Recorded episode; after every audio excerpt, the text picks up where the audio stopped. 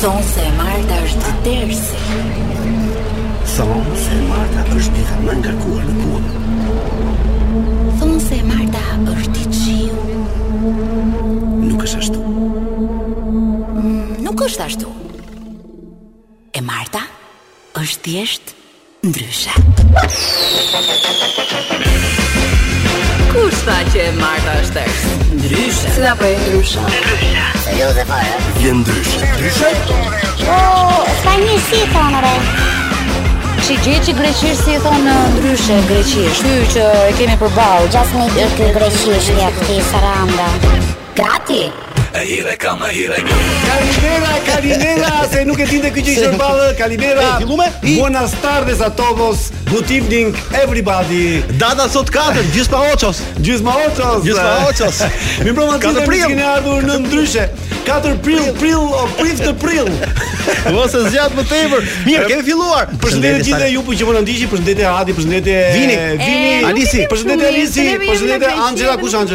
S'ka ardhur Anxhela. Alisi ka ndërruar kamerat dhe do dalim shumë mirë në Alisi jo i ka ndërruar kamerat, po i ka pastruar. Po i ka vënë dhe lente të reja.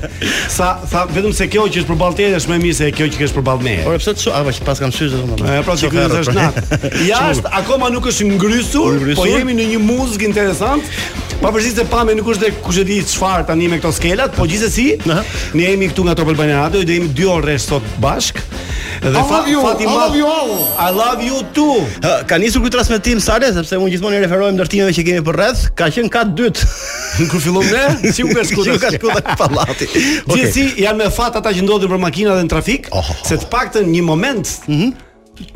po them argëtimi, një moment lirshmërie, një moment mbase dhe reflektimi do kenë nëpër makinat tuaja deri në orën 8 ose 20:00. Relax, relax, relax, relax. Lëre të rrjedhë, lëre të rrjedhë emisioni. Mirë, lajmi i ditës për sot dhe unë dhe Sara do ta diskutojmë patjetër, pak minuta do japim kohë. Mm -hmm. Hapjen e dy uh, radiove shumë të mëdha, Radio Rama dhe Radio Berisha. Radio Rama, dy podcaste të famshme që janë gati radio televizive. Patjetër, na la pa punë, sa na la pa punë. Gjithsesi, më pëlqeu shumë deklarata e Berishës, që tha, që tha me që mora vesh tha që Rama do hapte një podcast. Nga inati, un më vjen inati, un e kisha menduar përpara atij tha. Prandaj do ta nxjerr, nxori puntatën e parë ai. A ka dal Doli e Berishës doli puntata e parë. Po ku është më ta? Është në YouTube. Alis preje. Preje ta shohim. Rama në YouTube Rama e hëngri. Rama fillon më vonë. Gjithsesi në Shqipëri i hamë të gjitha këto. Domethënë i i Ne do të mundohemi gjëra që ne i shohim edhe. Ë kemi folur bashkë bashkë me Vinin, pra kemi kemi menduar uh, për të bërë edhe një lidhje direkte radio me radio, podcast me podcast me ndërkohë që jemi po, në emision. Mund ta bëjmë, çfarë mund ta bëjmë? Jetë, kështu kështu ka thënë ai, do të kemi Por zotri, po un, po un ja ja pesë ju të dy do t'i paguaja çdo ditë. jo vetë, jo çdo ditë, po çdo vit. Mirë, uh, gjithsesi mund të them që uh, Adi është surprizë për ty kjo, që po pas pak ne të dy do bëjmë një, po themi test, jo test, po të themi për njohuritë e tua të përgjithshme. Test tenësh. Jo, jo. Test, ah, okay. Mm, jo, jo, jo, jo, jo, më lër. Jo. Për disa njohuri të tua, përsa i përket njerëzve, personazheve, jo, jo, jo, të njohur, Do të pranosh se s'bën ti? Po jo, më tani. Je në emision të po, pranosh se s'bën. Keq apo po ikën. Se ti s'mund të dalësh ti më s'mund të dalësh ti më injorant se ato të Big Brotherit. A referuar nga Big Brother Sigurisht. thon. Po, Unë kam përgatitur disa emra që do t'i them dhe ti më thuash profesionin e tyre. Dhe shpresojmë që ta kalojmë. Nëse ti do gjesh, Shiketi madh. Jo, e di pse se nuk kam besim te vetja që mund të Nëse jo, ti do megjithatë gjesh unë pretendoj që kam 50% informacion. Ëh? do gjesh mbi 50%, ne do hamë një drekë dhe ti do hash gjys. Nuk e di. po i gjete të gjithë do e hash drekën e plotë. Okej? Kam frikë se do dal keq sa le. Gjithsesi, tani do dalë të hapim keq. me një këngë. Ju që jeni nëpër makina ngrini pak volumin sepse vini ka Shpenzuar shumë energji për të gjetë këtë këngë. Jesus he knows me. Dhe ky është ky është një nga bateristët më të mirë shqiptar. Shumë bukur. Shqiptar do të thotë. Edhe një përshëndetje për gjithë ato biznese që janë në tentativë për ta. Genesis, po si ka Phil Collins. Te Phil Collins. Da, da, da, po, po, po, da, da, da, Ja pra sa ndoqëm një këngë të Bush, të Eugen Bushpepës, me... Ndjesi tani duhet të duhet të të bëj një test vogël ty Adi. Po gati jam, por je gati, të them se nuk ka. Pra duke marrë shkas edhe nga nga një gjë që pamë dje Big Brother. Ah, okay. Ishte shumë interesante. Që provojmë dijet. I kishte dhënë disa emra banorëve mm -hmm. dhe uh, duhet të gjenin profesionin e tyre. Dhe shumë pak emra nuk u gjendën të gjithë i njihnin. Po shumë injorantë ato.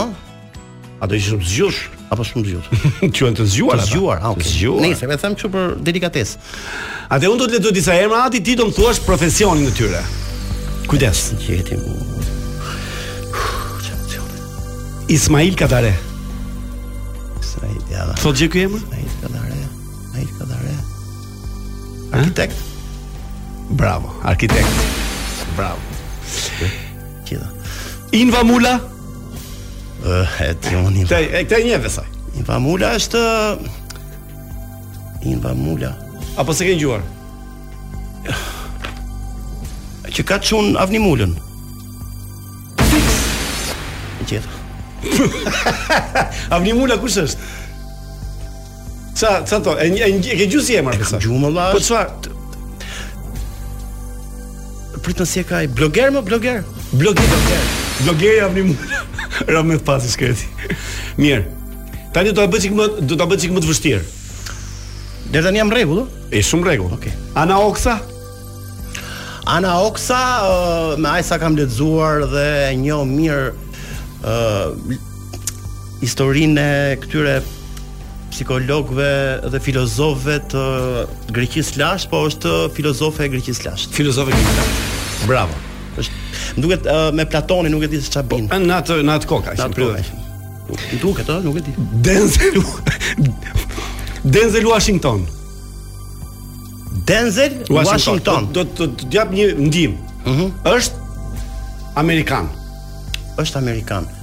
Ë uh, tani patjetër që është nga Washingtoni, er, që nga mbiemri, nga mbiemri, po. mbiemri.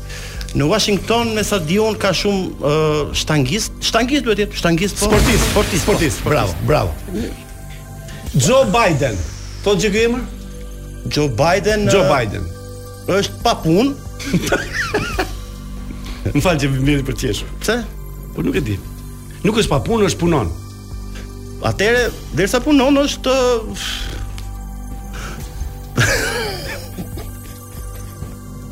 Hap këmbët.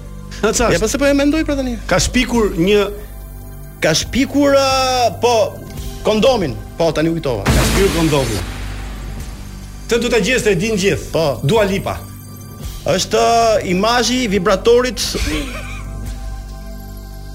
Ha, apo jo? Ja fute kot. Okej. Adriano Celentano. Ë. Sa thotë jo. A një fesa. Po se një valla. Dhe tash nuk ke gjetur dy. Ose dy, Adriano Celentano Është është është futbollist, futbollist me me me me, me pizën, me pizën. Me pizën dhe gjithmonë nuk futet pjesë e dytë. Të komentet i ke kot, mbrapa, mjafton që gjithë futbolliste. Me pizën, po t'i kishte me Juventusin të paktën. Ky ka qenë i Milanit i shitur ke Juventus. Po e di pse piza po, se ka 82-shin. 82-shin pra, bra, bra. Piza sepse e di pse iku te piza ky, se i thoshin o piso, pis, Pis ku janë. Jo, s'ka nevojë ta zgjasësh, nuk ke gjetur 3. Tre, hy po mirë jam. Domethënë 70% ke i ke gjetur. Okej. Okay. Mirë. Domethënë ti je në një nivel me ata të Big Brotherit. Kështu që bravo të qoftë për këtë testim të shkurtër. Po do të do të do të provokoj herë pas here Unë jam gati, po është pak e sikletshme sepse duhet të duhet të jesh i lexuar, duhet të kesh informacion, informacion të përgjithshëm. Mirë, do bëjmë gati, do bëjmë gati ato me gjithë letrat nga populli apo çka ke përgatitur ti për mbas ja, pak. Shofim, okay. Se do kemi tani një okay. këngë pak publicitet do të kthehemi menjëherë. Mos u largoni se ne jemi ndryshe. Ja hova. Komplet ndryshe. Ja hova. Ama do fillosh ti apo jo? Çfarë regjizori është ky më?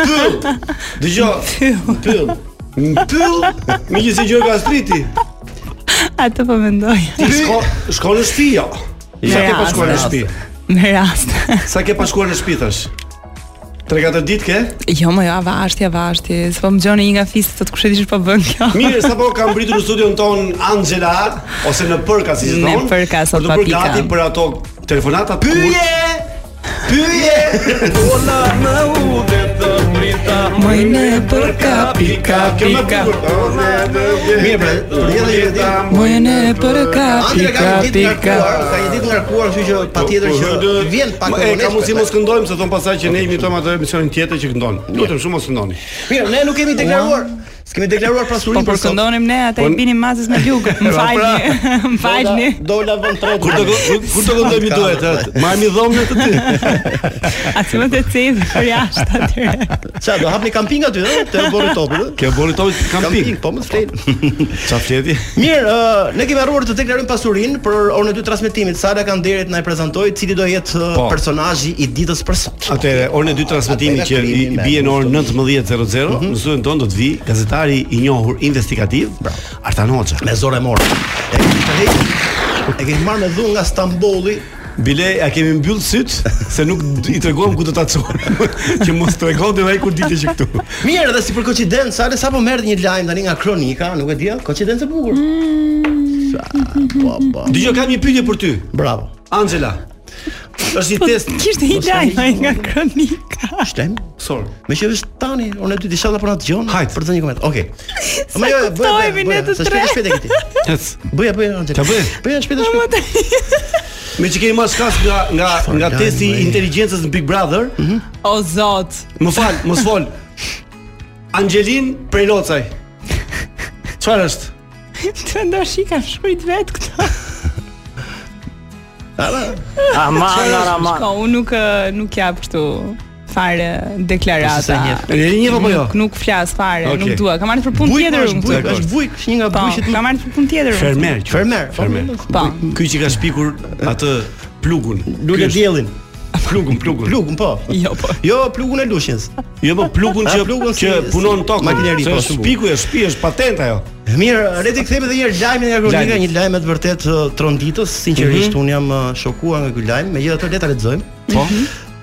Sale, edhe Anxhela. Është realizuar me sukses aksioni i policisë në një qytet të vogël të Shqipërisë i koduar me emrin Idioti. Idioti. Po. Pas informacioneve të marra në rrugë operative, forcat e shumta të policisë të ndihmuar dhe nga FNSH-ja kanë arrestuar në kushtet e flagrancës personin me inicialet RK. Me anë të taktikave speciale të policisë, personi në fjalë është rrethuar dhe më pas arrestuar në ambientet e një lokali në qendër të qytetit, duke pirë kafe me një mikun e tij. RK-ja, mm. RK-ja. Mm -hmm. Arrestimi i tij është kryer për shkak se ai kish i kish thënë shokut të tij uh -huh. në naivitet të plotë në lokal se nuk e njihte Luizin. Masë madhe. Po, nami. Ja. Po paska qenë RK. Kjo s'lejohet. Do të thonë emri i tij. Po. Kjo kjo gjë ka shkaktuar zemëratën e mikut i tij, i cili ka lajmëruar policinë, ku më pas kjo e fundit ka kryer dhe arrestimin në flagrancë. Mirë e kanë bërë. Të idiotit. Po. Po normale. Ai është shoqëruar në ambientet e komisariatit të policisë duke u marrë në pyetje nga hetuesit përkatës. Po. Në ndihmë të hetimeve janë marrë dhe pamjet filmike të lokalit dhe bashkë me materialet audio. Ndërkohë që ai, domethënë që materialet audio kur e kanë pyetur tha nuk e njoh, po, se ishte pra, në audio. Në fakt. Ndërkohë që ndërkohë që ai Po i nënshtrohet pyetjeve të hetuesve, ata po mundohen ta bindin atë për t'u kthyer në bashkëpunëtor të drejtësisë, pra të bëhet i penduar. Bo. Për të nxjerrë nga ai fakte dhe dëshmi se a ka të tjerë njerëz në qytet që nuk e njohin Luizin. Turp. Po po çfarë turpi? Oficerët e policisë gjyqësore kanë mbërritur, kanë mbetur të shtangur, më falni, nga ky fakt i tmerrshëm, madje i janë drejtuar duke i thënë se vetëm një idiot si ti nuk e njeh Luizin. Më pas ata i kanë deklaruar se ky është një krim kundra njerëzimit. Thuhet se ai në Ten Hag. Thuhet se ai pra i pandehuri është në gjendje të rëndë shoku pasi nuk po kupton se çfarë po ndodh.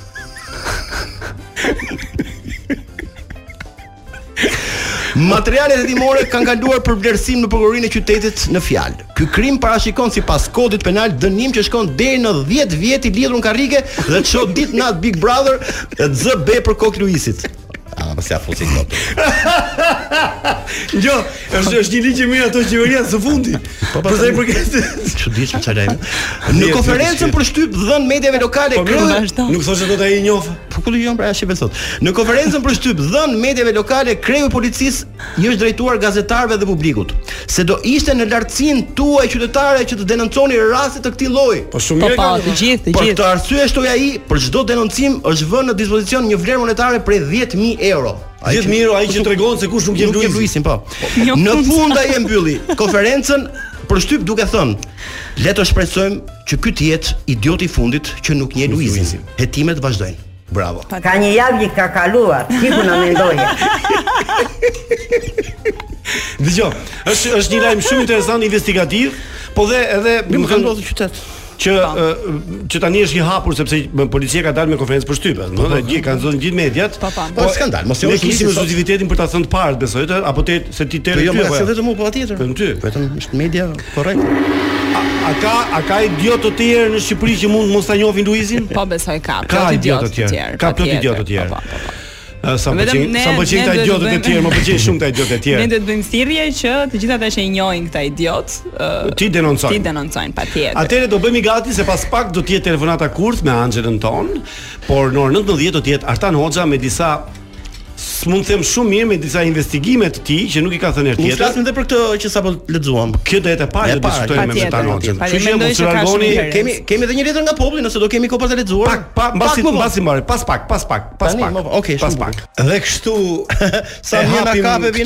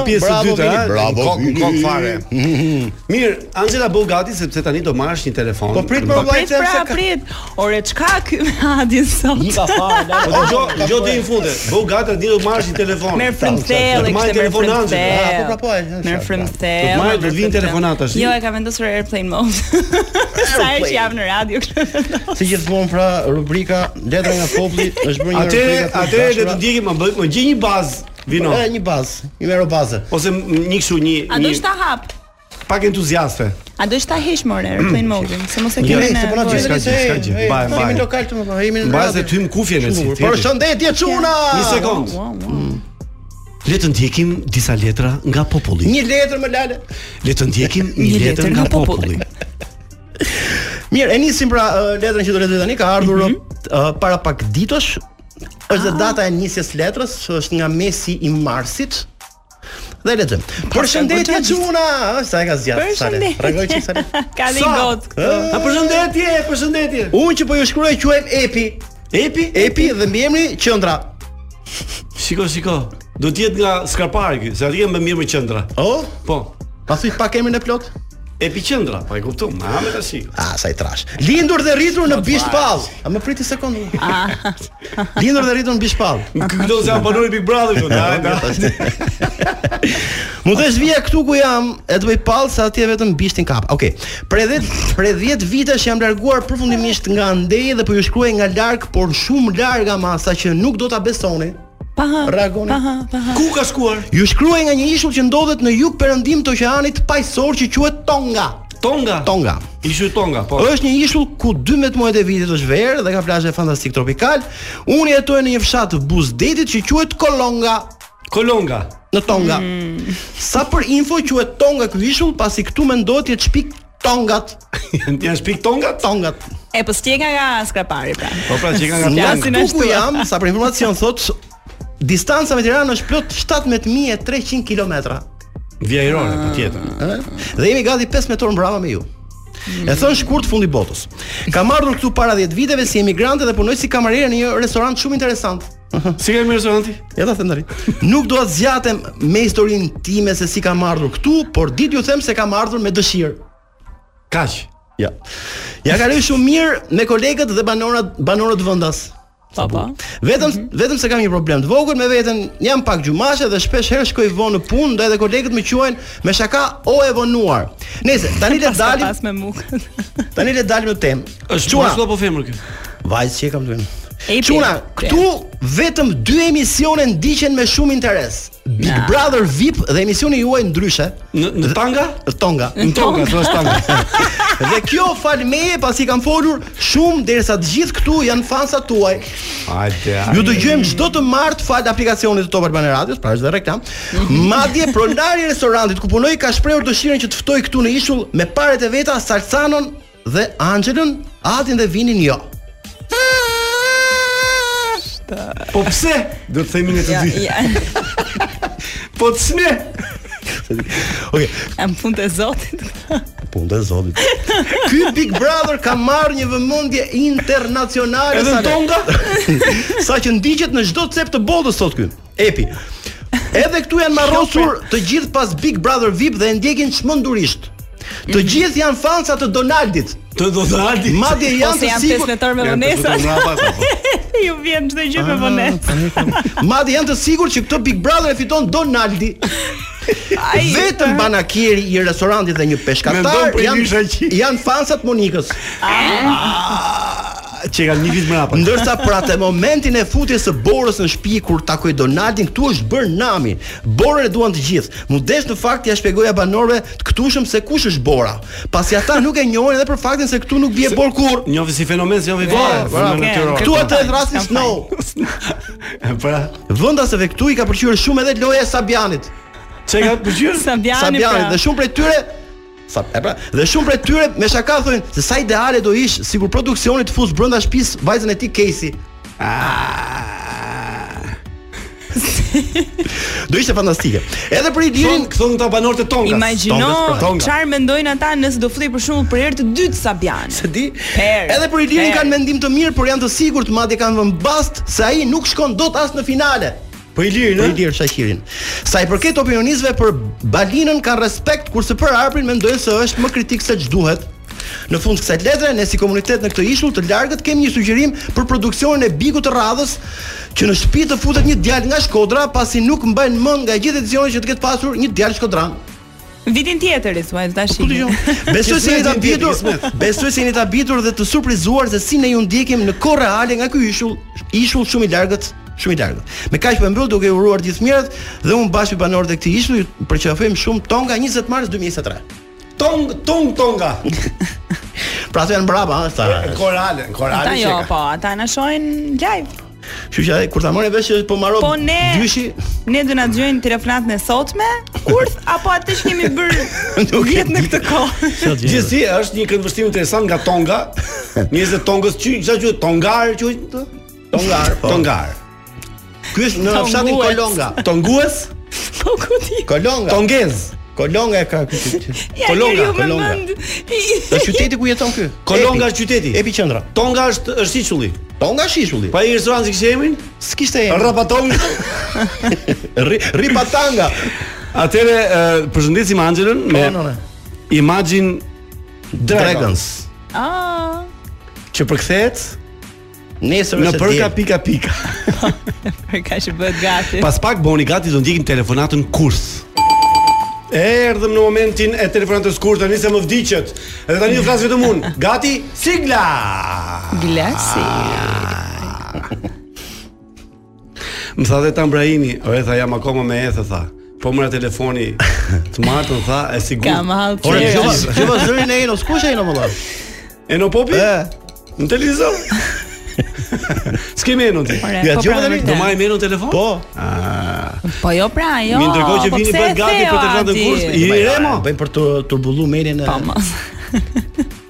Kemi telefonatë që shpresoj të na të na punojë.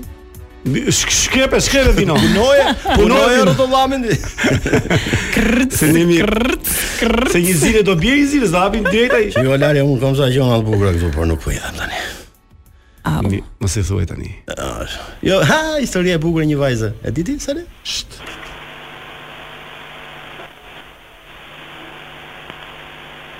Alo?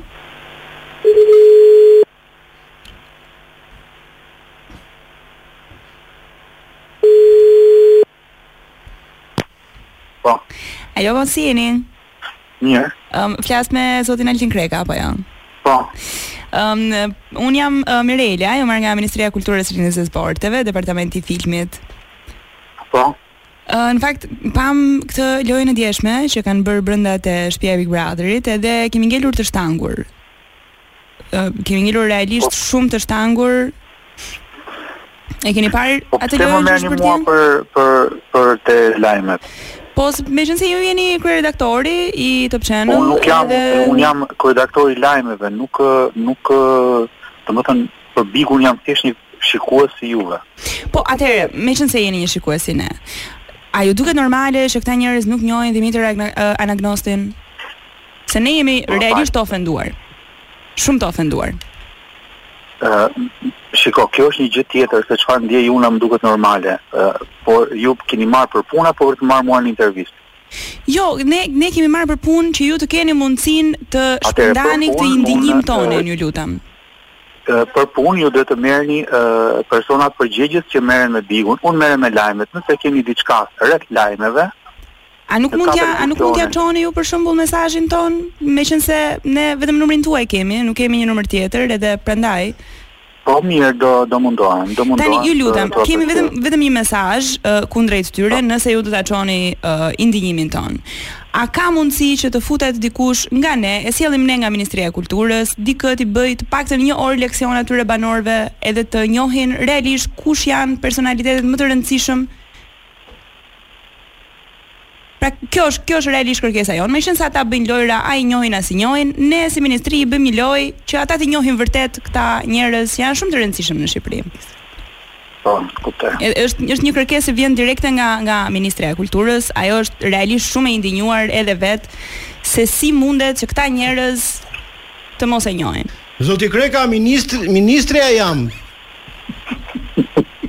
Po mirë Adi, ti mendon se unë nuk ju mora vesh se kush jeni, ju më merrni me numrin e topit Kam 16 vjet. Të doni numrin më Altin? Kam 16 vjet në këtë televizion dhe nuk e njoh unë numrin e topit. Po pse nuk të mori Sara që ta stisim këtë punë ja? Ja.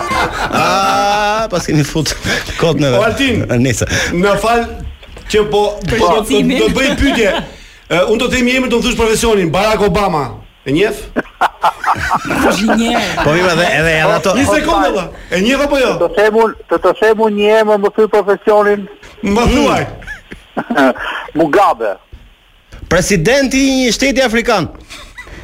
Bravo, e fitove.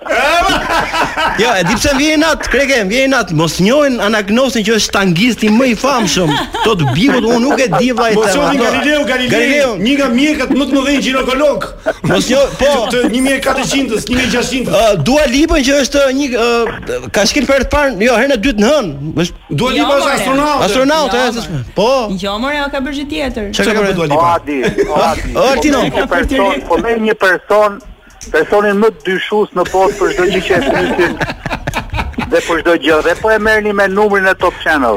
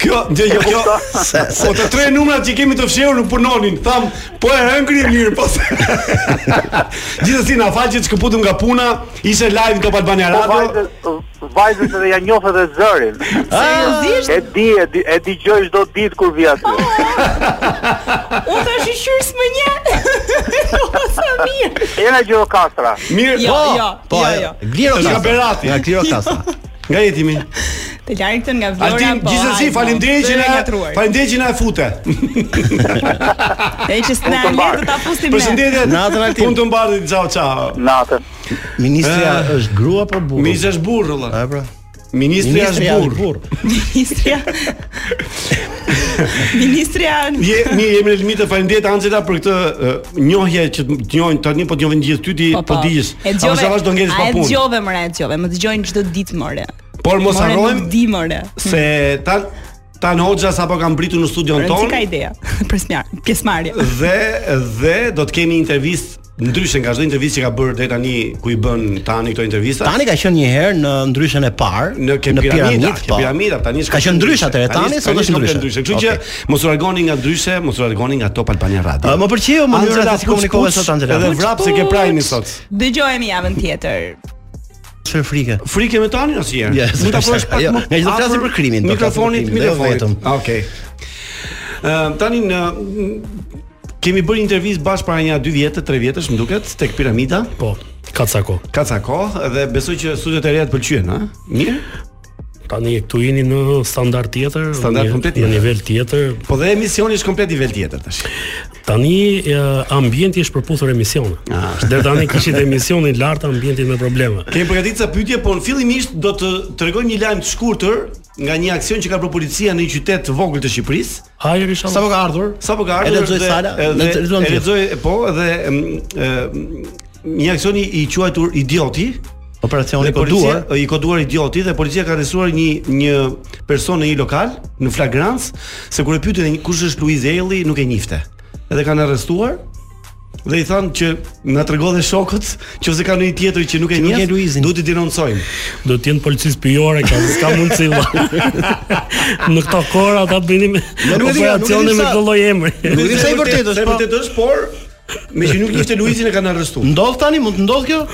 Kam përshtypje që mund të qëlloj që policët më s'e njifte Luizin për e ti fito ta Mirë, ne kemi përzgjedhë ca pyetje, Ano, që i do ndajmë në tre kategori Janë pyetjet e para që janë pyetje me nivel. Pastaj kemi pyetjet pa nivel dhe në fund fare kemi një mund të themi një më, një kompleks pyetjesh për sa i përket seksit, po në në mënyrë ndryshe. Paskeni përzgjedhur atë që ti nuk uh, nivelin e, e opsioneve të Kalashnikovit tek e tek me brëshëri dhe hiqe fare sikur. Shiko, tani shkojnë mirë, krim dhe seks shkojnë bashkë. Gjithmonë, kështu kanë funksionuar. Ë uh, Të dyja synojnë para vallaj, po, po ka pra, para në mes i ke të dyja. Okej. Okay. Ëm uh, krimi në Shqipëri tani është shtuar në krahasim me një vit më parë.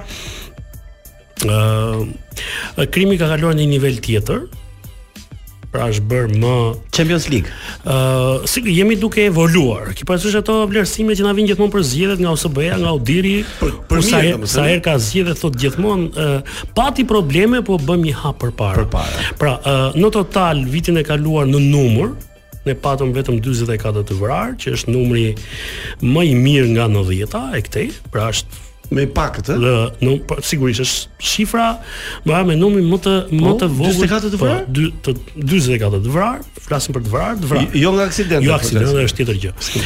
Dhe por kjo nuk lidhet në fakt me me ë uh, mënyrën e krimeve. Pra, vërtet mund të kesh patur në vite të tjera më shumë uh, numër të të vrarësh, por mund të kenë ardhur për shkak të krimeve ordinere. Ordinere. Dhe ti mund të kesh për po e mbaj mend rastin e Selenicës që shkoi një atje dhe vrau 8 veta. 8 veta po. Por ato që ndodhën gjatë vitit të kaluar janë kryesisht atentate të të që ne i quajmë të nivelit të lartë, në thonjza, që kanë dhe një kosto të lartë e, realizimi, pra kanë kosto financiare të kushtushme, kanë e, vrasës që nuk zbulohen, kanë makina e Range Rover që digjen pas atentatit, që ku kemi shkuar. Ke nivel pra, lartë. E kemi, e kemi të. Pra, parë në këtë prizëm, e, e, ne kemi një numër më të vogël në sasi, dhe kemi një numër më të madh të në cilësi. Pra janë rritur atentatet e stilit mafioz që krijojnë panik mes këto krijojnë panik mes qytetarëve sepse gjejnë një vëmendje shumë të madhe nga mediat, nga rrjetet sociale dhe uh, ato krijojnë një impakt të madh tek tek qytetarët. Sidomos kur këto lloj ngjarjesh nuk zbulohen. Për shembull, po të marr një ngjarje meqë kemi të freskët. ë uh, sulmin ndaj Top Channel, Po, pra, e kam e, si pyetje, po miqtë. E, efekti, efekti që që çon ajo ngjarje është shumë herë më i madh se vetë ngjarja. Pra, fakti që ajo ka ndodhur, ne sot vazhdojmë të flasim dhe s'kemi ë asnjë përgjigje. Dhe fakti që ndodhemi në këtë situatë, po dyshime ka. Të bëmë të nuk ka ngjarje dot. Nuk ka nuk ka gjë që nuk ka dyshime, por jemi përpara ngjarjeve që duhet sesbën, duhet të kemi përgjigje për jo jo thjesht për atë që ka qenë objektivi po, i atij atentati. E zbulon dot policia si ngjarje apo nuk e zbulon dot këtë gjë? Si mendon ti? Shiko, ka ngjarje që policia uh, nuk e ka haberin fare se çka ka ndodhur. Ka ngjarje të cilat policia e di se kush e ka bër, por nuk i provon dot. Ka ngjarje në të cilat policia e di se kush e ka bër, por s'ka interes ta provojë, ta ta nxjerrë, ta ta zbulojë, ta zbulojë. Kështu që kjo hyn tek ato ngjarje që deri tani jemi në atë në atë sipas meje gjithmonë. Jemi në atë fazën që policia e ka idenë se kush e ka bërë, por nuk e provon dot. Duhen duhen prova. Jo, ata ne dimë që janë lënë gjurmë në makinë, kështu që janë laborator për zbulimin e nëpërmjet ADN-s. Çfarë procesi janë janë gjetur? Shiko, gjurmët në një vendngjarje ose provat, provat e prova materiale. Uh, ato gjurmë të vlejnë nëse uh, personi që është marrë me ekzekutimin e asaj ngjarje ka qenë i skeduar në ngjarje të mëparshme.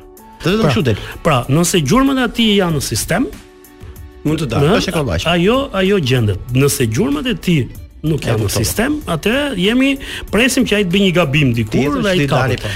Por megjithatë unë mendoj se kjo është një ato tip ngjarjes që ë uh, nuk duhet të kishim pritur kaq gjatë të gjenim gjurmët. Këto e kjo është nga ato ngjarje që ë uh, mesazhi që ajo përcjell, impakti që ajo ka në në shqip. Po shiko media është pushteti i katërt. Unë nuk besoj që që nga ajo ditë çdo koleg i joni ë uh, po i përjashtoj Top Channel sepse ata ishin patjetër që dhe i kam mbështetur që atë ditë dhe vazhdoj t'i t'i t'i inkurajoj, domethënë, ë uh, sepse Ë uh, vetë vetë fakti që u godit Top Channel i jep një një peshë shumë herë të madhe ngjarjes. Pra u godit një media kombëtare. Sa ka ndodhur deri tani në Shqipëri ngjarje të tilla, aq më tepër ndodh në këtë dhe aq më tepër ndodh kur unë sapo thashë që viti që kaloi ishte një vit me një numër në total të të, të vrarëve, ishte viti më i mirë. Por këto lloj ngjarjesh ë sfidojnë gjithë të dhënat e tjera të rendit të sigurisë. Kështu që në rastin në rastin konkret Uh, nuk besoj që mund të ketë ndonjë gazetar që ushtron profesionin e gazetarit në Shqipëri. Nuk është ndjerë pak dhe i friksuar. Jo i friksuar, por nuk i ka bërë pyetjen vetes se për çfarë dreqin e bëj këtë punë. Këtë punë. Tanë ke bërë një deklaratë të fortë para pak mhm. ditësh, uh, sa i përket ngjarjes në Top Channel. Mund ta riprodhojmë prapë, po le ta riprodhojmë ndryshe për faktin që mhm. të është bërë një telefonatë? Ë uh, po, është bërë një telefonatë. Është bërë një, është bërë një telefonatë, nuk është e e Domethënë, mua nuk më çudit. Kemi njerëz informacione sa në kështu që ne duam po. Të të nxjerrim jo, sado pak Ti i thua shpesh nëpër studiot e tjera kështu që pak a shumë Njerë dhe tjera Jo, nuk është se më, më çudit ajo, Por gjithsesi ato janë uh, Si të themi indikatorë që të dëshmojnë që përmasat që kanë ngjarje të tilla Dhe pse ne jemi dhe sot Uh, shumë ditë mbasi ka ndodhur ngjarja, jemi në jemi pa autor. Jemi pa autor sepse ë uh, ata që e bënë këtë gjë nuk janë nuk janë e para uh, nuk janë amatorë, e dyta nuk ka të bëjë me një krim banal ordiner, ka të bëjë me një krim i cili ka sfiduar jo thjesht pushtetin e katërt median, dhe ka, dhe dhe ka çuar mesazh në gjithë po dhe shtetin. Median, sigurisht sfida direkte është bërë ndaj shtetit. Për mua është një sfidë direkte që është bërë. Telefonata ka emër tani? Ë ka emër. Uh, sigurisht këto lloj telefonatash që bëhen me numra sot nuk është vështirë për të gjetur po numra nga nga vende më të çuditshme aplikacionet po por gjithsesi ato të shërbejnë për të dhënë një indikacion okej okay. për të dhënë një pra uh, uh, si të them unë shkon me atë Pyetjen që unë thashë pak më parë, që të gjithë kolegët ia kanë bërë vetes mbasi ndodhi ngjarja, për çfarë dreqin merremi me këtë profesion. Tani tregomë pak nga kjo, gjatë një interviste ti ke thënë që qarkullon një lajm ose nuk e di mhm. sa është e vërtetë që Endemol, mbas gjësë që ka ndodhur ka dashur të mbyllë Big Brotherin. Ky ky është një, kjo s'është e vërtetë. Ë, uh, shiko. Kështu që uh, ne mund ta përgënjeshtrojmë këtë sot? Jo, unë nuk i di ë uh, kë, domethënë forma në cilën unë e kam thënë është në këtë mënyrë, se nuk e unë kam një të keqe uh, nëse do ta quaj kështu, unë nuk i ndjek uh, portalet dhe nuk i lexoj. Dhe uh, më shumë është keqkuptuar deklarata dhe është keqpërdorur. Marr, keqpërdorur? Marr vesh se çfarë kanë shkruar portalet kur njerëzit më marrin telefon. Më thonë se ke thënë. Më thonë që ke bërë një shkrim dhe unë jam i detyruar të them shiko u jap linkun, nëse ajo është ka dalë në YouTube, i them ndiqe, dëgjoje direkt çka kam, kam thënë unë dhe pastaj më merr prap. Sepse e di që herë pas here portalet për shumë arsye ndonjëherë e bëjnë qëllimisht, ndonjëherë e bëjnë pa dashje, ndonjëherë e bëjnë për shkak të për shkak të paaftësisë, për klikime, për këto gjëra. Kështu që në rastin konkret gjëja që kam thënë unë është fakti që një ngjarje e tillë ka krijuar probleme edhe për për sigurinë e një programi e një emisioni, një programi të tillë se është është gjëja më normale. Nëse nuk do ta bënin, do të më çudiste. Por, nëse ti je në transmetim live, siç është emisioni, dhe një nga aktorët që ti ke në në banorët në, në, në emision, nuk e se nuk e ndjek me thënë të drejtën, prandaj them jo, aktorët. Jo, banor. Unë i quaj në në Ai që për për gjithsoj po thua që tha që Kallashi pra, ai e ndjeu kaq afër dhe ne ngjarjen atje atje e morën vesh fillimisht. Pra ai dalloi menjëherë që kishin të bënin me Kallashnikov dhe që qëlloi nga një makinë në ecje Dinte gjë ai? Jo, ai s'është as as Alfred Cako, as ku di unë as Bled Mane, që të rreth katror që ata dhe parashikojnë gjëra, por ai e dëgjoi fare mirë dhe fakti që po ai dëgjoi. Po ç'lidhje kishte kjo me mbylljen e emisionit? Jo, me me mbylljen. Un po them është është ë uh, sigurisht që ata kërkojnë një vlerësim të sigurisë të një emisioni sepse po e mban mend në momentin si, në momentin si, si e parë. Si procedurë do të ishte kështu? Është është gjykuar, është gjykuar që uh, kjo ngjarje dhe kjo u tha dhe në. Kjo ngjarje mund të ketë lidhje edhe me vetë emisionin. Mua nuk më duket e besueshme. Ju në po, fillim për këtë gjë. Mua po. nuk më duket e besueshme, por gjithsesi s'ka si të jetë. Do të ishte krejt normale kur vendi ku realizohet emisioni, nga vendi ku ka ndodhur ngjarja, është vetëm 70 metra mos gaboj. Jo, nuk është më larg se 70 metra, është krejt normale për çdo ë ë kompani që që jep të drejtat ka një ka një po sigurisht sepse në fund të fundit domethënë ti ti ky ishte një perceptim i yti për këtë gjë jo se ti kishe lexuar diçka apo di diçka unë nuk e kam lexuar unë jam interesuar për këtë gjë nëse ka patur ë zhvillime për këtë gjë jam interesuar sigurisht unë kam shumë kolegë në në në Top Channel, shumë kolegë edhe që merren me atë emisionin, tash po? edhe pse unë nuk jam në sepse nuk kam kohë të po, jo. në emisionin. Por brenda brenda asaj asaj pjesës time, dhe unë jam vetë një kontribues në Top Channel, pothuaj në të gjitha ë uh, mediat që ka grupi mediatik uh, i Top Channel dhe pikërisht dhe për këtë gjë më interesonte që sepse në momentin e parë Thash, uh, po të shikoja reagimet në rrjetet sociale, të gjithë e lidhnin ngjarjen, po për më thënë me, me Big Brother, ëh. Mendonin që kjo ngjarje mund të ketë lidhje me Big Brother dhe kishte nga teoritë nga më të çuditshme aty, por uh, nuk më duket e ekzagjeruar. Shiko, po uh, gjithsesi Endemoli nuk nuk shiko, nuk shkoi kurrë deri këtu, kështu që është e sigurt për këtë. Endemoli, Endemoli, ëh uh, dhe kompani uh, të këtij niveli, sigurisht në situata të tilla ato bëjnë një reagim publik. Pra derisa ata nuk kanë patur reagim publik, ata kanë marrë të gjitha garancitë e duhura nga organizatorët, që kjo çështje nuk do të ka të bëjë me këtë një herë. Si më thonë, yes, mirë. Tano, ka disa personazhe mm -hmm. që e ndjekin Bigun, por që edhe janë pak kritikë ndaj Bigut, siç është Ort Curri për shembull, apo do që gjithmonë sikur ka qejf të shohë pak keq, në siklet Bigun. Prandaj po e diskutojmë pak gjatë këtë historinë e lajmeve që pastaj zhvendosen drejt lajmit fake dhe bëjnë pak Çka ka thënë Ort Curri? Apo s'ka thënë gjë. S'ka thënë gjë. Okej, okay, mirë. Okay. Shiko, kam përshtypjen që kam përshtypjen, do kam perceptimin. Uh, unë të thashë njërë, në edhe për arsye të punës që bëj, edhe për arsye të kohës, nuk është se kam kohë dhe nuk kanë hy në mos gaboj uh, një nga emisionet e para të ngjashme, të gjithë ka qenë Kafazi i Artë, Kafazi i Artë, po, po, po, po. dhe mbaj mend ditën që organizohej Kafazi unë ikja nga puna përpara, nuk e di pse, no, e gjithmonë po. e kam pasë gjë, Pra nuk është se kam ndonjë e di as as edhe afeksioni po po. Por në rastin konkret kam vënë re që ato personazhe me të cilat merrem unë ata këto kohë po e ndjekin shumë spektaklin dhe kjo më ka bërë më ka bërë vërtet shumë përshtypje pra personazhet e kësaj botës së nëndheshme edhe ata janë duke ja, ndjekur duke ndjekur duke ndjekur dhe unë një pjesë asaj që mund të kem Njohuritë që mund të kem mbi atë spektaklin, e kem nga ata. Mund t'i kem prej tyre se shoh që ata janë vërtet kur ti shkon e takon dhe ai thotë stop, thotë se po flet filani dhe ti shikon atje personazhet e Mirë, që do të jemi çik më, të jemi çik më koncizë sepse radio do, po, pak ritëm. Tani vrasjet Tano janë sofistikuar më shumë, domethënë ti e the në fillim. Janë kriminelët një hap para shtetit në sofistikimin e po them qoftë edhe teknologjik, po dhe qoftë edhe kështu nga ana e perceptimit të një vrasje e një krimi. Janë pra një hap para shtetit apo jo? Shiko, vetë terminologjia sipas mendimit tënd që, që ne përdorim, më ka disa nënkategori. Kur flasim për krim, ë, dhe unë e bëra një një nëndarje pak më parë. Pra, ajo që unë fola për sofistikimin është krimi i organizuar, Dhe meqenëse unë po vij nga Turqia, pra nga, nga Stambolli, shqiptarët hapat e parë të krimit të organizuar i kanë marrë në Turqi, sepse andej erdhi heroina. Lufta që filloi në ish-Jugosllavi në 92-shin, në 93-shin, pra e bëri Shqipërinë një një kanal të rëndësishëm të të degëzimit ballkanik. pra të linjës ballkanike të kalimit të heroinës mm. drejt Bashkimit Evropian. Dhe uh, duke patur parasysh këtë gjë, pra uh, ky nivel i krimit, pra krimi organizuar, uh, ka shkuar uh, uh, shumë herë përpara edhe nga ç'unë e kam menduar.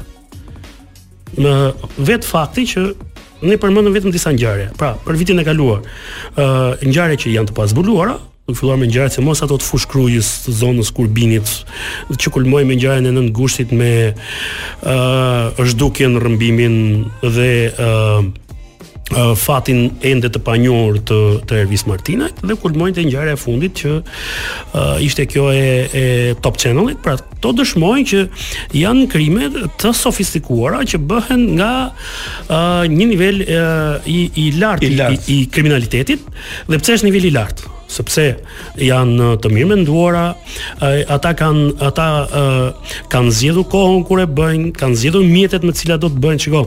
ë e ke menduar ndonjëherë që mund të digjej për një për një ngjarje, një Range Rover? Pra vetë asnjë, vetë fakti që është djegur një Range Rover, po i heq të tjerat domethënë, pra të bën të kuptosh në çfarë niveli. Mos ka qenë Range i vjetër. Shiko, Range Rover është Range Rover dhe dhe Kompa, kompa, të dhimbset kur e djeg. Po. Kom, kompania mëmë, pra kompania prodhuese e Range Roverit, mm -hmm. po të kujdesej siç kujdeset e Endemoli, duhet të kishte bërë një deklaratë për për shtyp dhe të kujdesej për brandin. Deri tani atentate me Range Rover në fakt ë ka ndodhur në Fier. Dhe po them Fier sepse Fieri është është një stad tjetër, është një është një, si them unë ka qenë universiteti i krimit të organizuar në Shqipëri. Dhe jo, ata janë gjithmonë pararojë. Ata janë, ha? Ata janë pararojë, ata ata shkelin në shtigje të pashkelura. Kurse në ngjarjet e fundit në kryeqytet, pra po të shikosh uh, kjo që ndodhi me Top Channel, është ajo uh, ai atentati që u parandalua në Elbasan. Aty ishte një X6, Fuoristradë. Këtu ishte një Range Rover. Ë uh, mos gaboj ngjarja tjetër po ashtu pati një një fuoristradë uh, ngjarja që ndodhi tek Don Bosco. Pra të gjithë këto elementë të marra së bashku dëshmojnë që krimi i organizuar është në një nivel tjetër, në një nivel tjetër. Ë uh, Fieri ishte Ishte shk... universitet s'a dalë? Jo, ishte është. Është. Po bachelor kush është në Shqipëri? Për krimin. Ëm Elbasan, shiko, Durrësi. Shiko, jo, nuk nuk janë uh, uh, por krimi, domethënë Fieri është për shkak të se ka një histori kur jepet një vlerësim, pra ti ke një histori të grupeve që kanë vepruar në atë zonë, uh, vijimësia e tyre, ë uh, kohëzgjatja e tyre, ë uh, përballja që ata kanë patur me me agjencitë e zbatimit të ligjit dhe moskapja e tyre. Dhe moskapja po po dhe uh, pesha që ata kanë ose impakti që ata kanë në territorin ku veprojnë.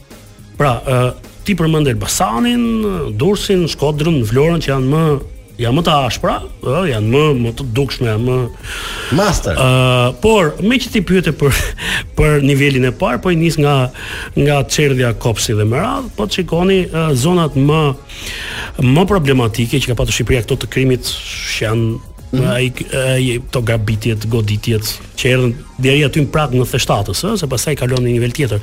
Po janë këto zona rrotull Tiranës. Për shembull, un kam pa, jam bërë kurioz, kam hapur arkivat edhe në kohën e xhandarmerisë së Zogut dhe më rezulton që zona këtu në periferi të Tiranës, Fushkruja, Kruja, Mati ka qenë problematike që në atë kohë ka patur, po, ka patur ka patur problematikë të të të të shtuar vërtet. Është trashëgimi domethënë kjo punë.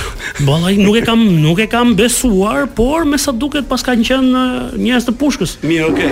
O, o ra gongu. Mirë, e shkurtër kjo. Ke frikë më shumë nga policia apo nga kriminelët? Shiko. Ë, uh, ai që ai që s'ka frikë është budalla. pra, ti uh, është e sigurt që s'je budalla. Ë, uh, jo vetëm që duhet të kesh frikën, por ti thjesht duhet duhet ta kontrollosh. frikën dhe duhet t'i bësh llogaritë ë uh, jo se si do hysh në një skenë krimi, puna është se si do dalësh. Yes. Për të hyrë hyjnë gjithë, puna është se si do dalësh. Kështu që parë në këtë prizëm e, e edhe ata që ne i mbajmë si trima dhe kapedanë janë të tillë sepse njohin frikën. Tano udhëtimi në Stamboll ishte për punë apo për turizëm? I kombinuar dhe Mix.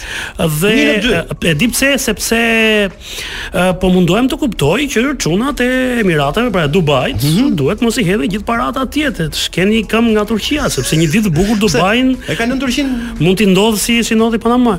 Po mbaj mend një operacion i fundit që bëri policia spanjolle, policia spanjolle. Wow.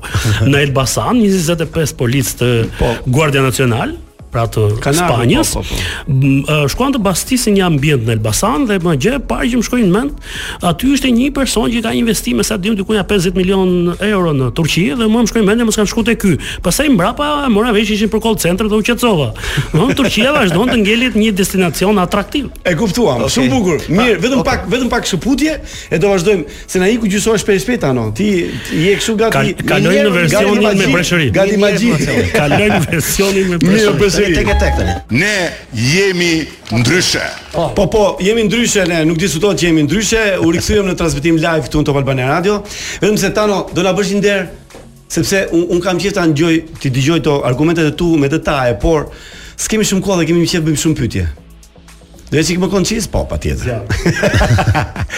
Ëm Në qoftë se ti si gazetar gjen fakte dhe prova Po thua që Unë duhet të ruaj anonimitetin e, e, e burimit të informacionit Policia ka drejtë të quajë ty bashkëpunëtor në krim Atëherë, detyra ime është të gjej fakte dhe prova është detyra ime Mënyra se si unë do t'i marr uh, provat dhe, dhe faktet është puna jote është po ashtu puna ime Ë uh, vlerësimi i punës që bëj unë sigurisht e jep e jep publiku dhe vijimësia e ngjarjeve të tjera. Pra detyra ime është unë mund të përdor çdo mjet për ta marrë një provë. Por mënyra se si unë ia paraqes publikut dhe analiza që bëj mbi provën vendos nëse unë jam i anshëm apo i paanshëm. Tani, ë uh, a ka të drejtë policia dhe prokuroria? apo shërbimi informativ. Që të thotë ty që të marrë. Atëherë me ligj të detyroj po. ty të. Unë jam njeri që kam bërë gjyqe në këtë vend me kryeministrin, me ish-kryetarin e kuvendit, me ministra, me ë uh, kam bërë gjyq në gjykatë dhe në kohën që të kanë të kanë hedhur ata gjyq? Po po, dhe në atë kohë uh, dënimi uh, për akuzën e shpifjes për shkak detyrës si cilësi e veçantë ishte 2 vjet deri 7 vjet burg, ishte vepër penale. Se sot është tjetër gjë se merr ndonjë gjobë e shpëton, po në atë kohë shkoje drejt në burg. Në burg. Po. Dhe më mbrapa, ju keni parë mua më thërresin shpesh në prokurori. Po. Jo, do sigurisht jam në cilësinë e personit që jap informacion. Kanë marrë dhe në emision biles. Po më kanë marrë live nga live. nga emisioni. Ë, uh, madje pyeta edhe herën e fundit që isha në Top Channel nëse prokuroria të nesërmen na çoi një urdhër për të sekuestruar emisionin. ë sepse ë, në dy emision në dy televizione të tjera që kam folur për të njëjtën temë menjëherë të nesërmen kishte shkuar urdhër për të sekuestruar ë, ë, emisioni ë Për ta dhe- zbardhur atë. dhe meqë m'u kujtua duhet të pyes pasi të dal nga ju që a ka ardhur ai urdhri apo jo por ë, ata kanë detyrimin ë, të kërkojnë ë, informacion ë, të më bindin që ta jap informacionin por detyra ime është të ruaj burimet nëse unë ë, shes burimin ë, unë humb besueshmërinë Dhe unë jam ky që jam sepse uh, nuk i shes burimet. Po të them vetëm një moment, një moment. gjatë vitit të kaluar unë u thirra për të dëshmuar pranë Policisë Gjyqësore Federale Belge në Bruksel. Dhe oficeri apo prokurori që më mori në pyetje, para se të fillonte pyetjen për një ngjarje të veçantë në Shqipëri. Për një ngjarje uh, filloi për çështjen Toyota Yaris. Atë e kujton për për mhm. paratë e famshme. Për ata që denoncoi po, Lul Basha. Atë ngarkesën me para dhe gjëja që më thanë që në fillim është në çdo moment kur ti gjykon që të cenohen burimet e tua, ti ti mund të ndërpresësh menjëherë deklarimet. Pra, është një vend i Bashkimit Evropian që e bën këtë gjë. Dhe e, i cili më thirri atje dhe nuk ma morën në Shqipëri dëshminë sepse ata mendonin që këtu mund të dekonspirohej dëshmia. ime dhe më thirrën atje. Kështu që parë në këtë prizëm, e, mua nuk më shqetëson pjesa pse ata e bëjnë, nuk më shqetëson. Më shqetëson ndaj shumë se më shqetëson që sepse vjesh në në në pozicionin e vështirë, si do t'i kontaktosh ti këta, si, nga do e marrësh ti informacionet. Pra, praktikisht ë për ta bërë më të thjeshtë edhe për dëgjuesit. Keni parasysh rastin e El Chapos dhe atij aktorit të Hollywoodit s'po më vjen tani emri që shkoi ta merrte në intervistë se kështu u kap El Chapo për herë të fundit. Pra El Chapo kishte preferuar një aktor të Hollywoodit dhe pra një intervistë, po t'i jepte një intervistë. Pra ndodhi për atë aktor, Atëherë shërbimet e inteligjencës mbajtën në përgjim aktorin dhe kapën El Chapon, njeriun më të kërkuar në botë. Në Shqipëri jo se s'e kanë bërë këtë gjë, po po të kujtoj vetëm një rast, për shembull për rastin e e ë uh, Kelmend Balilit apo ai që quhej Escobari shqiptar, u vu një shpërblim po 100.000 euro, siç u vu për rastin e Top Channel po, për ta po. kapur. Dhe nga që nuk po kapej dhe ambasadori amerikan vazhdimisht në çdo dalje publike sulmonte qeverinë shqiptare dhe denonconte faktin që s'është kapur Kelmend Balili, mua m'u kërkua nga nga autoritetet zyrtare, pra më thirrën në një takim nga ato takimet që s'ekzistojnë dhe më thanë, ë, ë, duam nga ty jo ta tregosh ku është ky personi, po duam që ti të mbash celularin ndezur kur të shkosh aty dhe ky shpërblimi prej uh, 100.000 eurosh do të të jepet ty. Në Delvinë duket.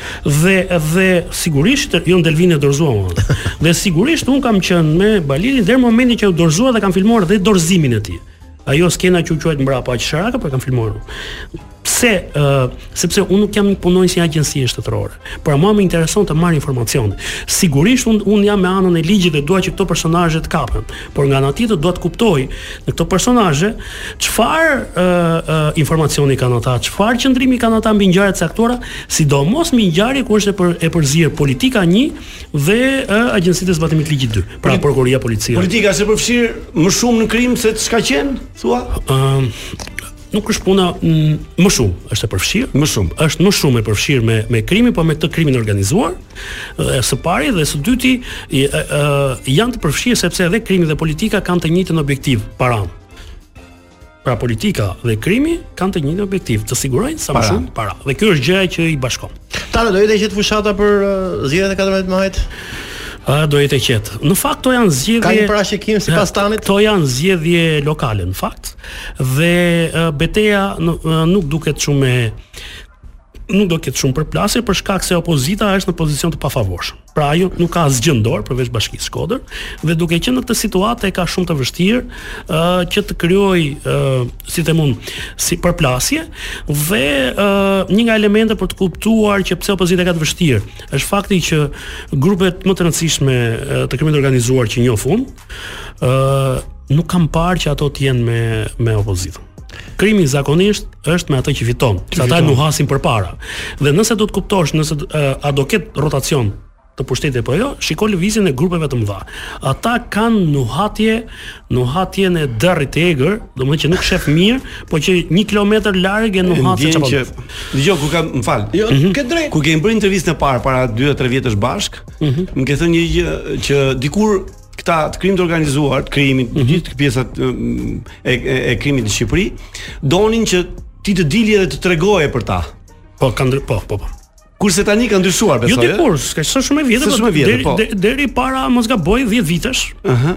ata kishin qef që që ti t'i dish t'i përmendësh emrat ti... sepse uh, kjo ishte një lloj marketingu për ta dhe rriste peshën e tyre reputacionin e tyre reputacionit sot është krejt e kundërta dhe nëse e keni vënë re batutën time në uh, në emisionet live kryesisht është uh, kur mpyesin kush është sot më i forti më i rëndësishmi më i madhi i kësaj bote në Shqipëri pra botës krimit dhe unë zakonisht them më i forti është ai që s'i përmendet emri Pra, sot është krejt e kundërta. Sot krimi i organizuar paguan që të mos i dalë emri. dalë Dikur paguante që t'i dilte Dilte emri. emri. Tani ti je arkiv i gjallë për uh, sa i përket krimit në Shqipëri, por uh, dua të di kur e bën krimi shqiptar më tepër pushim. Ç'periudhë të vitit. Ë krimi në fakt ë përpiqet që ose k- flas unë flas gjithmonë për krimin e organizuar sepse për këtë jam. Po, po. Pra, krimi i organizuar Zakon, pushim. Zakonisht sigurisht nuk ka është biznes. Është një biznes okay. global, por është ai biznesi pa letra. Sigurisht që ka dy periudha ku krimi është më aktiv, që janë këto periudhat gushti dhe dhjetori, që janë periudhat e pushimeve, sepse rritet lëvizja, edhe ata njerëz janë don të takojnë familjarët, e humbin vigjilencën, pra mund të goditen më kollaj. Po. Por uh, zakonisht krimi përpiqet që të mos uh, të mos jetë shumë i dukshëm,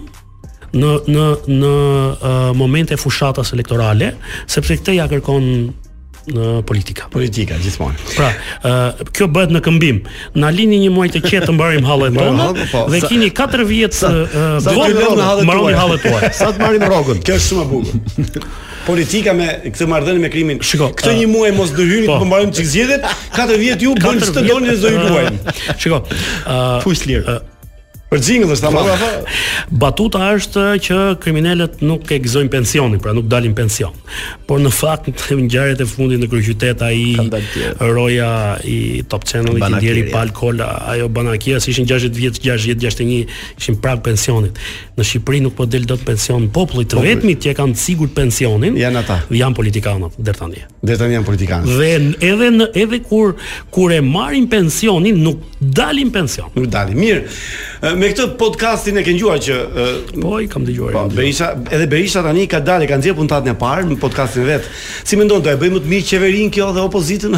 Shiko, kur Berisha shpiku qytetarin dixhital, Unë në uh, rria gjithmonë në redaksitë uh, e newsroomit. Uh, nuk kam pasur zyrë, po gjithmonë kam qenë aty me me stafin, edhe dëgjoja për tyre, po edhe më pyesnin se për shembull ai që vendoste titrat, e kishte më kollajt më pyeste mua se t'hynte në Google.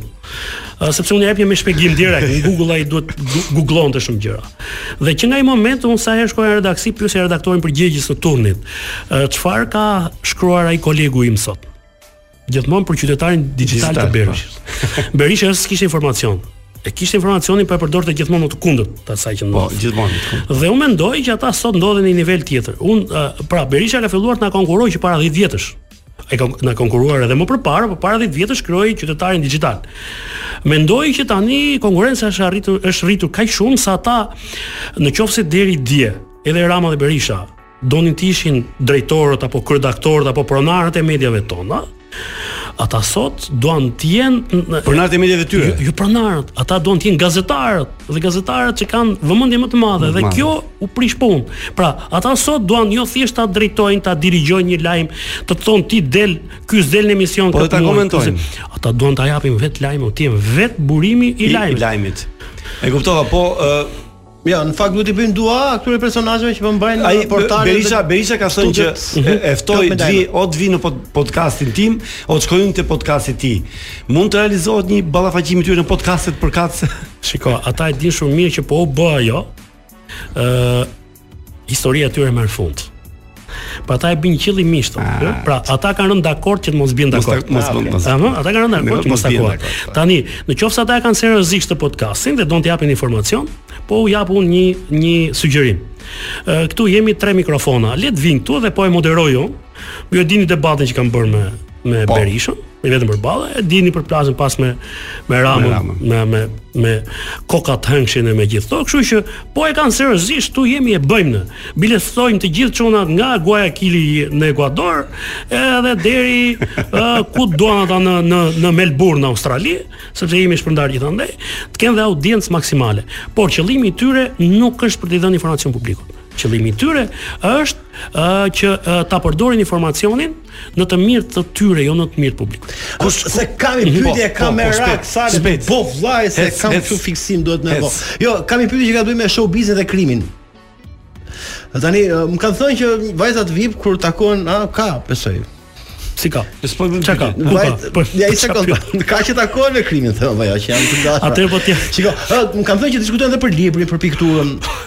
Është vërtet? Këto te kriminelët thua? Po pra me po kriminelët janë në shkollë të lartë, diskutohet si. Dhe jo. Ë uh, po të jap një rast nga vizita që pata në në Ekuador vitin e kaluar dhe kisha një 4 ditë që shikoja një në një moderatore që aty ishte si Fevziu që kemi ne. Ah. Po Fevziu aty ishte ah. një moderatore shumë kinge, shumë bukuroshe. Ishte një ishte a ishte yll? Ishte yll. Kundër e kundërta e Fevziut. Dhe dhe çudit. Bisha dhe e shëmtuara. Ishte një njeri që e shikoja në televizor, ndërsa takova një nga këto personazhet shqiptarë që ndodheshin aty që merreshin me me të bardhën. Çuditërisht ata e sollën në lokal. Dhe deri sa të dashur e kishte shqiptarit. Po e kishte kap ky po shqiptari ishte europian atje, nuk ishte thjesht një një fshatar nga po ja fus kot nga Labinoti. Edhe Fevziu është i rrezikuar pra.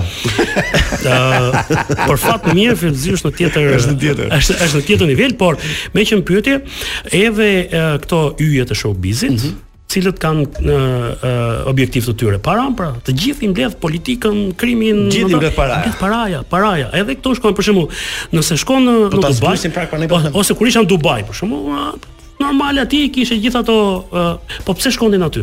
Uh, një batutë se nuk dua ta harroj. Pyet pyeta një nga këto personazhet uh, që është në kërkim aktualisht, shumë i kërkuar në Shqipëri.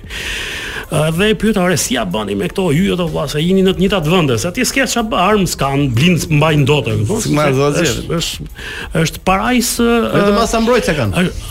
Domthon atje uh, ru vetëm nga këto uh, sëmundjet e tras, e seksualisht të transmetueshme. Seksualisht të transmetueshme, s'ke pse ruhesh nga gjë tjetër. Me fjalë kondom plot në xhep. I vetmi armik aty ishte kjo. Pjesa tjetër aty është parajsë fiskale dhe penale. Dhe penale, po. Dhe e pyeta vëlla, flitet shumë nga flitet shumë në media në Shqipëri që Filanka ka qenë me Filanin, Filanka me Filanin, i thashë mo si ja bëni me këto, mos i menaxhoni. Jeni gjithë ju këtu dhe ato Një javë e shoh te hoteli filan me me një nga po e përmend kot nga atë fshatin nga ku di unë nga Badlonja e Përmetit. Uh, javën tjetër e shoh me një nga Thethi në i i Malësisë Madhe. Pra, uh, si ja bëni me këtë dëgjo tha. Ne në fakt tha kujtojmë tha se ne jemi maço tha, Ëh. Dhe i përdorim këto tha.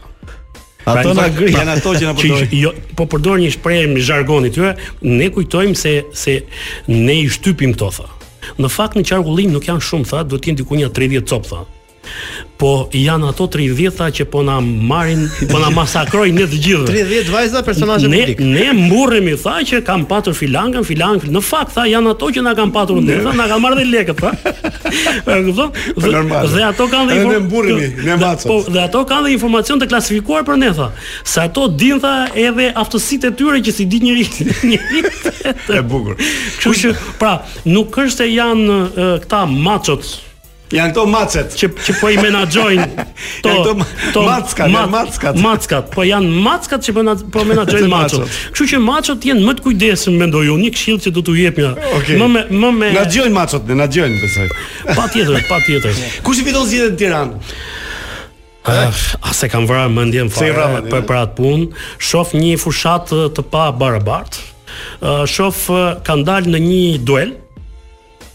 Ka dalë njëri me me ë uh, me atletet i jo, me, me njëri që ka raketë, e vë? Ka dhe dron, më saktë. ë dron me këta drone dhe ky me pushkë me dhe ka dal pushkë gjermane pra dhe ka dal në krahun tjetër një ë ë kandidat krejt normal i cili as me pushkë se ai është me dorë në xhepa pra është një luftë e pabarabartë unë mund të jepja një mendim se si del mm -hmm. si dalin zgjedhjet nëse ata do të ishin minimalisht jo maksimalisht po minimalisht në kushte barabart ë të barabartë minimalisht por në këtë në këtë situatë domethënë kur njëri del gjithë ditën e ka gjitha mediat non stop në dispozicion. Dhe tjetri ka non stop në agresivitet ndaj tij, mendoj që situata nuk është ë është krejt e pafavorshme. Pra, për mua do të ishte skupi i skupeve që s'do fitonte. Nëse nëse në Tiranë do të kishte një përmbysje të të kësaj situate.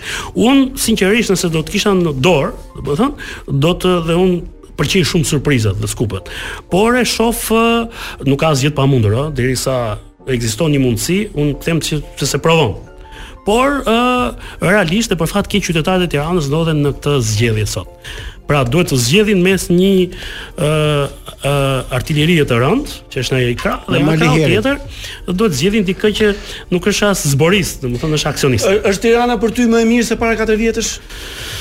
Në ç'kuptim, ka shumë terma, por Tirana është një qytet më më pak i jetueshëm për mua, dhe në, nëse do të kisha mundësinë, unë nuk e kam mundësinë, do ta them troç, po nëse do të kisha mundësinë do të ikja nga Tirana. Oh, tani një pyetje që jam kurioz, uh, atë që bëri sot Karlo Bolino nuk është pjesë e jona, por duhet ta pyes. Mm -hmm. Kë media ka akuzuar ai? Se ka hedhur në gjyq, një gjë sa ke informacion. Shiko, un kam qenë në Kë portal, më duket. Unë kam qenë në udhëtim, Sot kam parë vetëm një domethënë fragment të kësaj Ka për një denoncim Dikush më shkrojti më mrapa Dhe gjëja e parë që bëra është e hapa uh, Youtube-in Dhe kërkova sekuencën e një filmi mm -hmm.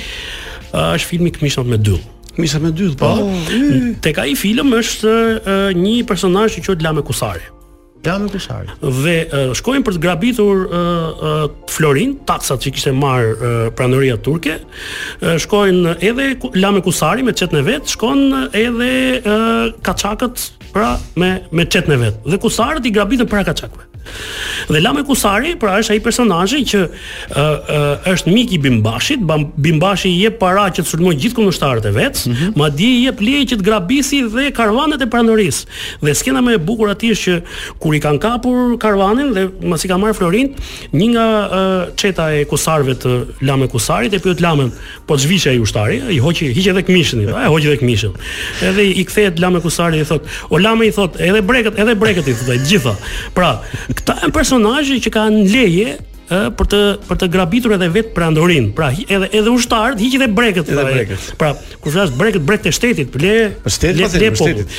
Kështu që unë mendoj që ne si media kemi një problem shumë shumë të madh dhe ne nuk merremi me veten tonë, merremi me hallet e tjerëve që të harrojmë hallet tona, por unë mendoj që ne nuk mund t'i zgjidhim dot hallet e tjerëve pa zgjidhur më parë hallet tona.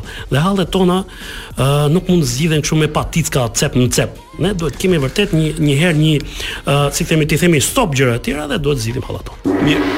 Ra gongu, do bëjmë atë të fundit? Shpejt e shpejt. Okej. Të do me ikë tani, do me ikë tani, do me ikë tani. Kisha në vend të fjalës seks do vendosësh fjalën investigim.